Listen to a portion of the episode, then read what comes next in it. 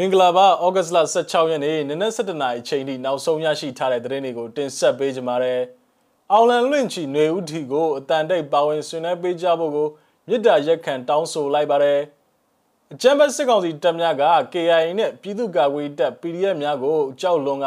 ရန်တမ်းပစ်ခတ်နေတယ်လို့ဒေသခံတွေကပြောဆိုနေပါတယ်။အကြမ်းဖက်စစ်ကောင်စီတပ်နဲ့၎င်းတို့ရဲ့လက်ပါစီ PNO တပ်များကိုစုံနိုင်တိုက်ခိုက်ချိန်မုံသွားမယ်လို့ KMDF ကသတင်းထုတ်ပြန်ကြေညာလိုက်ပါတယ်။စတဲ့သတင်းကြောင်းရာတွေကိုသတင်းထောက်ကျွန်တော်ထွန်းထွန်းဝင်းကတင်ဆက်ပေးကြပါမယ်။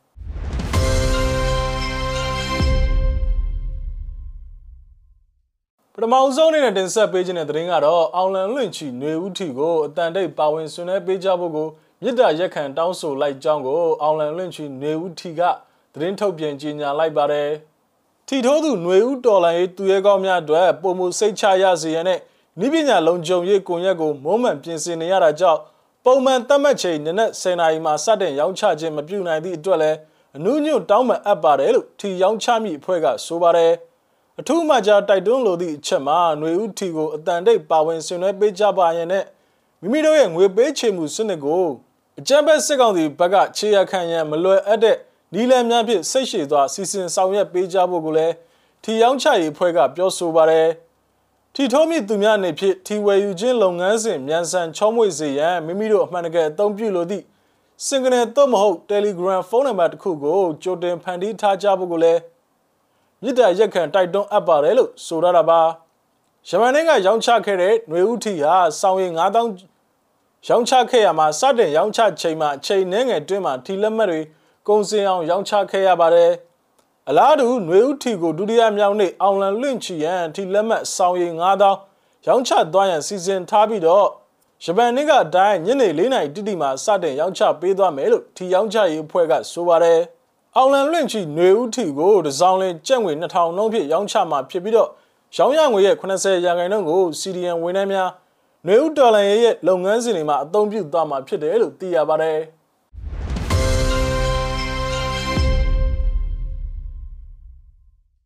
ဆက်လက်ပြီးတင်ဆက်ပေးခြင်းတဲ့သတင်းကတော့အကြံဖက်စစ်ကောင်စီတပ်နဲ့၎င်းတို့ရဲ့လက်ပါစီ PNO တပ်များကိုစုံနိုင်တိုက်ခိုက်ချိန်မုံသွားမယ်လို့ KMDF ကသတင်းထုတ်ပြန်ကြေညာလိုက်ပါတယ်။ဖေကုံမြို့နယ်ပင်လောင်းမြို့နယ်ကြားမှာဖြစ်ခဲ့တဲ့တိုက်ပွဲမှာအကြံဖက်စစ်ကောင်စီတပ်နဲ့၎င်းတို့ရဲ့လက်ပါစီ PNO တပ်ဖွဲ့တွေက PDF တွေရှိရာနေရာကိုကျူးကျော်ရန်မူလာတဲ့အတွက်ဩဂတ်စ်လ14ရက်နေ့မှာတိုက်ပွဲတွေစတင်ဖြစ်ပွားခဲ့တာဖြစ်ပြီးတော့အကြံဖက်စစ်ကောင်စီတပ်ဘက်မှာတော့9ဦးကြာဆုံးပြီးတော့ PNO တပ်ဘက်က6ဦးထက်မနည်းကြာဆုံးခဲ့တယ်လို့ဩဂတ်စ်လ15ရက်နေ့ရက်စွဲပြ KMDF ကသတင်းထုတ်ပြန်ခဲ့ပါတယ်။တိုက်ပွဲဖြစ်ပွားခဲ့တဲ့ပင်လောင်းမြို့နယ်ပင်ပုံကျေးရွာမှာရှိတဲ့ဘုံကြီးကျောင်းမှာအကြမ်းဖက်စစ်ကောင်စီတပ်နဲ့ PNO တပ်ဖွဲ့တို့ကတပ်ဆွဲလက်ရှိပြီးတော့ဩဂတ်စ်လ15ရက်နေ့နံနက်ပိုင်းနဲ့ညနေပိုင်းချိန်မှာလက်နက်ကြီးများဖြင့်အဆက်မပြတ်ရန်တမ်းပစ်ခတ်လက်ရှိနေပါတယ်။ဩဂတ်စ်လ15ရက်နေ့နံနက်ပိုင်းချိန်မှာတော့လိုက်ကော်မြို့မှဖေကုံမြို့သို့စစ်ကူပို့ရန် စစ်ကား35စီးလူဝင်ရ100ဝန်းကျင်ခန့်ပါဝင်တဲ့ရင်တန်းကိုနေ့လယ်17နာရီမိနစ်30ချိန်မှာမိုးပြင်းတဲ့ဖေကုံကြားမှာရှိတဲ့ခေါင်မိုင်းကျေးရွာမှာပြည်သူ့ကာကွယ်ရေးတပ်တွေကကြားဖြတ်တိုက်ခိုက်လိုက်တာပါအဆိုပါတိုက်ပွဲတွင်မှာအကြမ်းဖက်စစ်ကောင်စီတပ်ဘက်ကအကြဆုံးဒဏ်ရာရရှိသူများပြားပြီးတော့အတိအကျကိုတော့အတိမပြုနိုင်သေးဘူးလို့သိရပါတယ်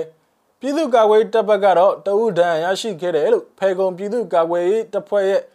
လူမှုကွန်ရက်စာမျက်နှာမှာဖော်ပြထားပါတယ် အကြမ်းဖက်စစ်ကောင်စီတပ်တွေကကရားပြည်နယ်နဲ့ရှမ်းပြည်နယ်တောင်ပိုင်းဖေကုံမြို့နယ်အတွင်းမှာ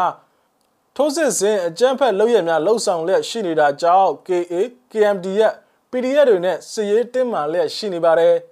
ဒေသခံကျေးရွာပြည်သူအချို့ကိုဖမ်းဆီးနှိပ်စက်ခြင်းလမ်းပြအဖြစ်အတင်းတမန်စေခန်းခြင်းများအကြမ်းဖက်စစ်ကောင်စီဘက်ကပြုလုပ်ခဲ့မှုကြောင့် KMD ရဲ့အနေဖြင့်တိုင်းရင်းသားလက်နက်ကိုင်အဖွဲ့အစည်းများနယ်မြေခံပြည်သူ့ကာကွယ်တပ်များနဲ့ပူးပေါင်းပြီးတော့ပြည်သူများကို အကြမ်းဖက်နှိပ်စက်နေတဲ့စစ်ကောင်စီတပ်များနဲ့၎င်းတို့ရဲ့လက်ပါစီ PNO တပ်များကိုစုံနိုင်တိုက်ခိုက်သွားမှာဖြစ်ကြောင်းကိုထုတ်ပြန်ကြတဲ့မှာရေးသားဖော်ပြထားပါတယ်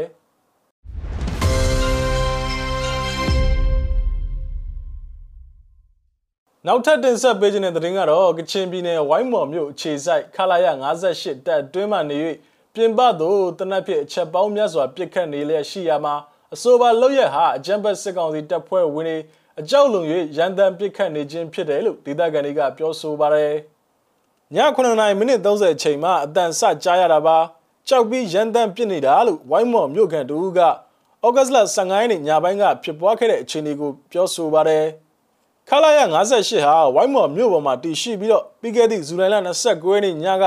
KIA နဲ့ပြည်သူ့ကာကွယ်ရေးတပ်တွေပူးပေါင်းကတိုက်ခိုက်ခြင်းခံခဲ့ရတာကြောင့်အထိနာခဲ့တဲ့ခြေလင်တရင်တစ်ခုဖြစ်တယ်လို့ဒေသခံတွေကဆိုပါတယ်။ ညနေ3နာရီကျော်မှာလှုပ်ရှားမှုစစ်ကြောင်းတက်သွားတယ်။အင်အား80ကျော်ပါတယ်။ဝါရှောင်းလမ်းစုံနားမှာခဏနားနေတယ်။မှောင်တဲ့အထိတော့မထွက်သေးဘူးလို့ဒေသခံတွေကဆိုပါတယ်။ကချင်လွတ်လပ်ရေးတပ်မတော် KIA တပ်မဟာငါတရင်3နဲ့ပြည်သူ့ကာကွယ်တပ်ဖွဲ့ဝင်တွေက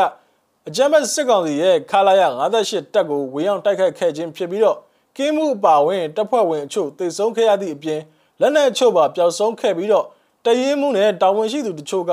စုံကုံဖွဲ့စစ်ဆေးခံနေရတယ်လို့သတင်းတွေလည်းထွက်ပေါ်နေပါတယ်။အကြမ်းဖက်စစ်ကောင်စီတပ်အနီးမှာရှိတဲ့အရက်သားများကိုစစ်ကောင်စီက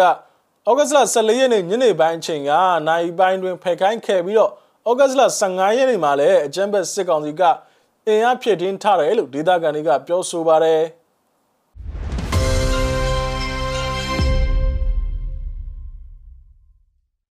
ထပ်မံတင်ဆက်ပေးခြင်းတဲ့သတင်းကတော့ရန်ကုန်တိုင်းဒေသကြီးမြောက်ကလာပါမြို့နယ်အတွင်းမှာနေထိုင်တဲ့လူငယ်16ဦးက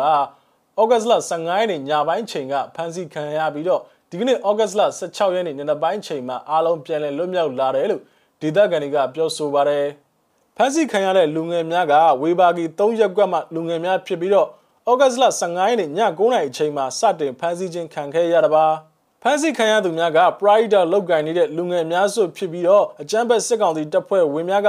တနက်ဖြစ်ချိန်ကမြေပြင်မှာဒူးထောက်ခိုင်းသည့်ဓပုံအချို့လဲလူမှုကွန်ရက်စာမျက်နှာမှာပြန့်နှံ့ခဲ့ပါသေးတယ်။ဝေဘာဂီ3ရက်ကွက်မှာဖမ်းဆီးခံရတာအားလုံးပေါင်းလူငယ်16ယောက်ဖြစ်ပါတယ်။16ယောက်လုံးပြန်လည်လွတ်မြောက်လာပြီလို့ဒေသခံတွေကပြောဆိုပါတယ်။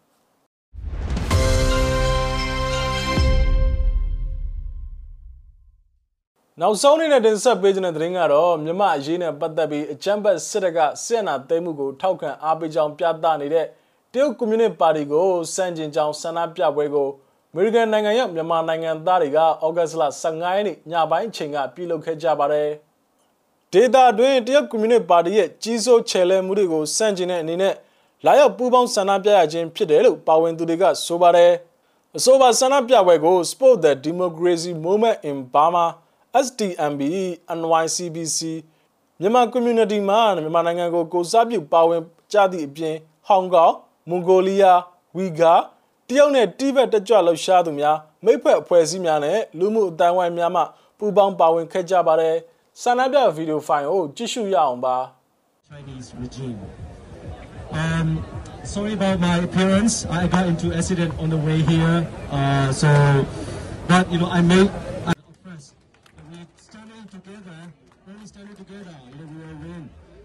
However, you know, the Chinese government is big or strong, you know, when we united and defeat them, you know, I believe that. So I've been involved with the uh, Milk Tea Alliance uh, for quite some times. Um, we have organized one event uh, here in New York City at the Brooklyn Bridge and one another big one in Washington, D.C. So uh, I'm so glad uh, to be invited to speak here on behalf of Burma. Uh, as you all know, you know, we are against the authoritarianism. What China doing in the region is exactly that. You know, they are taking over in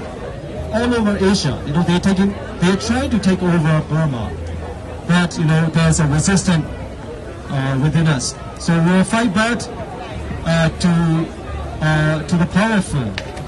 So please stand with us. You know, our Milk Alliance is